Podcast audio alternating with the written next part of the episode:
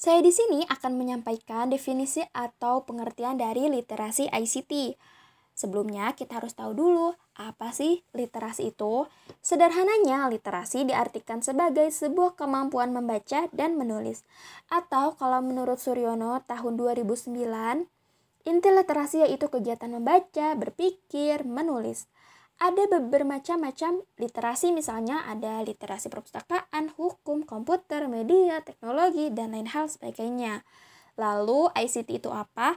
ICT atau Information and Communication Technologies atau yang biasa disebut dengan TIK, Teknologi Informasi dan Komunikasi.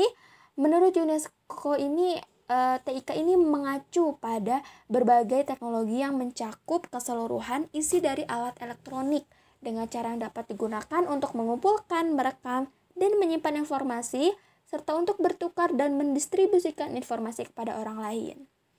Lalu, literasi ICT itu apa?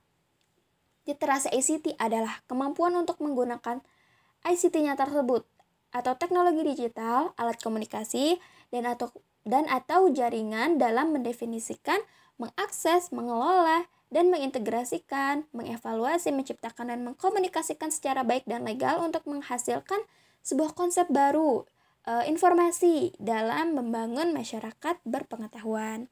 Tidak bisa dipungkiri kalau ICT ini memberi dampak yang positif atau e, mendorong e, kemajuan dari literasi. Ada beberapa TIK atau ICT yang dapat digunakan untuk meningkatkan literasi membaca dan menulis. Yang pertama ada televisi. Tidak dapat dipungkiri pula kalau setiap rumah pasti memiliki televisi.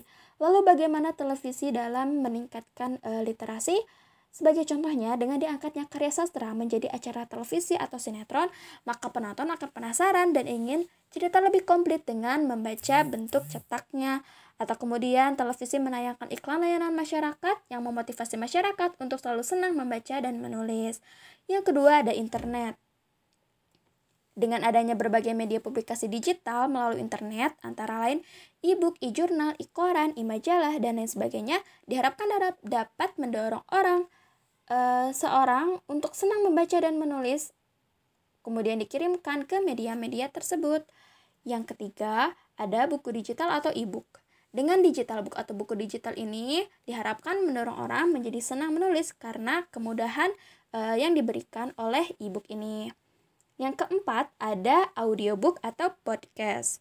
Berdasarkan hasil penelitian, podcast ini cukup efektif sebagai media pembelajaran bahasa, terlebih lagi mendorong anak-anak yang tidak sempat membaca buku atau kurang tertarik untuk membaca dapat dengan mendengarkannya saja melalui podcast ini.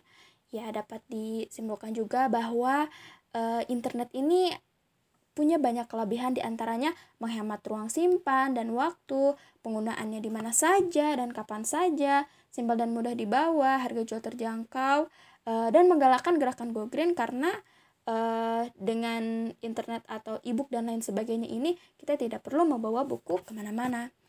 Mungkin sekian yang dapat saya sampaikan dari literasi ICT. Uh, terima kasih.